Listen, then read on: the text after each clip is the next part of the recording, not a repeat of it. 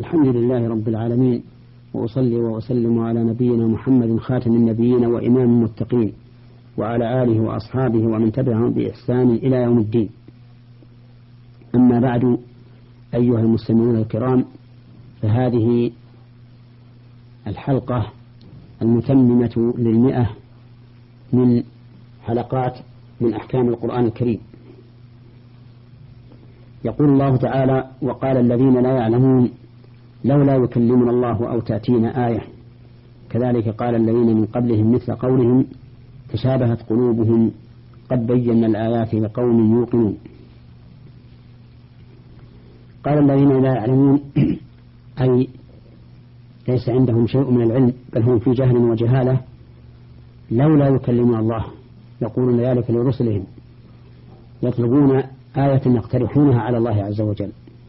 وذلك أن يكلمهم الله تعالى. أو تأتينا آية أي علامة على صدق ما جاءت به الرسل فبين الله عز وجل أن هذا القول قد قاله من قبلهم. ولقد اقترح قريش على رسول الله صلى الله عليه وآله وسلم آيات متعددة وقالوا لن نؤمن لك حتى تفجر لنا من الأرض ينبوعا أو تكون لك جنة من نخيل وعنب فتفجر, فتفجر الأنهار خلالها تفجيرا. أو تسقط السماء علينا أو تسقط السماء كما زعمت علينا كسفا. أو تأتي بالله والملائكة قبيلا. أو يكون لك بيت من زخرف. أو ترقى في السماء. ولن نؤمن لرقيك حتى تنزل علينا كتابا نقرأه. قل سبحان ربي هل كنت إلا بشرا رسولا. فهم يطلبون آيات يقترحونها. مع أن الرسل عليهم الصلاة والسلام جاءوا بآيات بينات. ما من رسول أرسله الله إلا أعطاه من الآيات ما يؤمن على مثله البشر. قال الله تعالى كذلك قال الذين من قبلهم مثل قولهم أي مثل هذا القول الذي قالوه؟ قاله ما سبقهم. واقترحوا آيات على رسلهم. ومن ذلك قول بني إسرائيل لموسى لن نؤمن لك حتى نرى الله جهرة تشابهت قلوبهم. وإذا تشابهت القلوب تشابهت الأعمال. لأن الأعمال تصدر عن القلب. لقول النبي صلى الله عليه وآله وسلم ألا وإن في الجسد مضغة إذا صلحت صلح الجسد كله وإذا فسدت فسد الجسد كله. ألا وهي القلب. فمتى صلح القلب صلحت الجوارح. ومتى فسد القلب فسدت الجوارح. نسأل الله أن يصلح قلوب الجميع. تشابهت قلوبهم. وإذا تشابهت قلوبهم تشابهت أقوالهم وأعمالهم. قال الله تعالى قد بينا الآيات لقوم يوقنون. يعني قد بينا أظهرنا إظهارا يبين به الأمر. الآيات أي العلامات الدالة على صدق الرسل عليهم الصلاة والسلام لكن لا ينتفع بها إلا الموقن لقوم يوقنون أما من ليس بموقن بل هو في شك وريب فإنه لا تنفعه الآيات كما قال الله تعالى وما تغني الآيات والنذر عن قوم لا يؤمنون وقال تعالى في من إذا تليت عليه آيات الله قال أساطير الأولين. قال الله تعالى كلا بل ران على قلوبهم ما كانوا يكسبون. في هذه الآيات الآية الكريمة من الفوائد والأحكام بيان عظم عظم في هذه الآية الكريمة من الأحكام بيان عظم عناد الكفار. المحادين لله ورسله. لقوله وقال الذين لا يعلمون لولا يكلمنا الله أو تأتينا آية.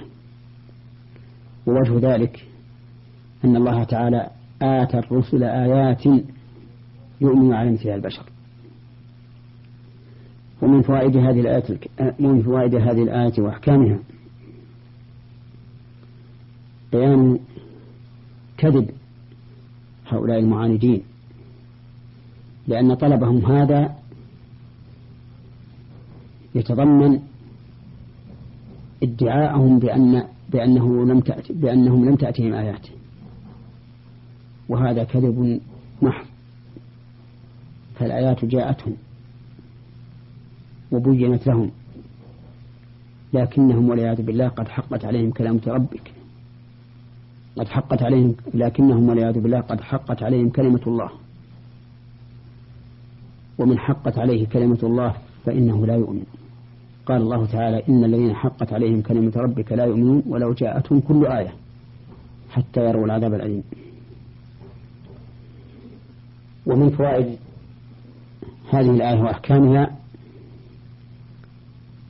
أن القلوب إذا تشابهت تشابهت الأقوال والأعمال. لقوله حين حكى عمن سبق أنهم قالوا كما قال المكذبون لرسول الله صلى الله عليه وآله وسلم تشابهت قلوبهم. ومن فوائد الآية الكريمة وأحكامها الإشارة إلى أن القلوب هي الموجهة للبدن كقوله تشابهت قلوبهم. وقد ثبت عن النبي صلى الله عليه وآله وسلم أنه قال ألا وإن في الجسد مضغة إذا صلحت صلح الجسد كله. وإذا فسدت فسد الجسد كله ألا وهي القلب. ومن فوائد الآية الكريمة تشابه أعمال الكفرة أي مشابهة سابقيهم مشابهة لاحقيهم لسابقيهم. ومن فوائد الآية الكريمة وأحكامها أن الله سبحانه وتعالى بين وأوضح الآيات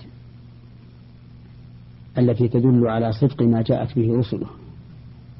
وقوله تعالى قد بينا الآيات. ومن فوائدها وأحكامها أن هذه الآيات البينات بنفسها لا تتبين إلا لموقن. ويتفرع على هذه الفائدة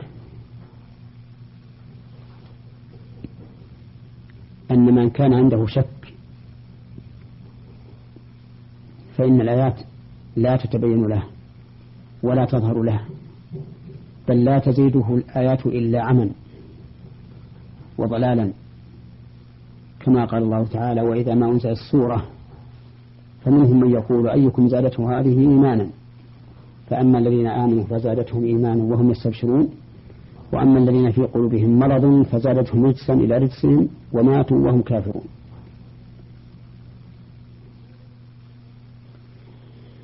ومن فوائد هذه الآية الكريمة وأحكامها الإشارة إلى أن الناس ينقسمون في آيات الله تعالى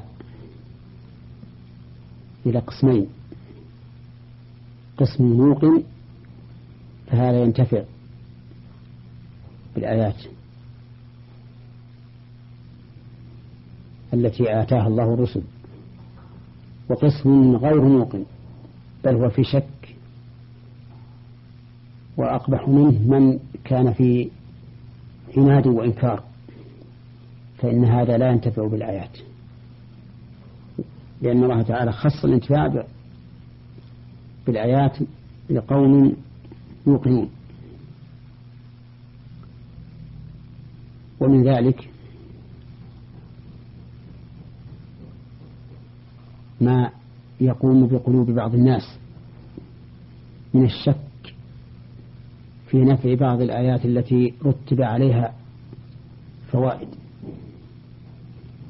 مثل قول النبي صلى الله عليه وآله وسلم في آية الكرسي من قرأها في ليلة لم يزل عليه من الله حافظ ولا يقربه شيطان حتى يصبح فإن من الناس من يقرأ هذه الآية ولكنه في شك من هذا الخبر. أو يقول أقرأها أجرب فإن مثل هذا لا ينتفع بها أبدا. لا ينتفع بها إلا من أيقن بأنه إذا قرأها لا يزال عليه من الله حافظ ولا يقربه شيطان حتى يصبح. وهكذا بقية الآيات التي أخبر النبي صلى الله, عليه وآله وسلم بشيء من فوائدها. فإن الواجب على المرء أن يتلوها وهو موقن بصحة ما أخبر به النبي صلى الله عليه وآله وسلم حتى يتم إيمانه وحتى ينتفع بها. نسأل الله تعالى أن يجعلنا جميعا من الموقنين بآياته المخلصين لوجهه الموافقين لمرضاته. إنه على ذلك قدير. والحمد لله رب العالمين وصلى الله وسلم على نبينا محمد وعلى آله وأصحابه ومن تبعهم بإحسان إلى يوم الدين.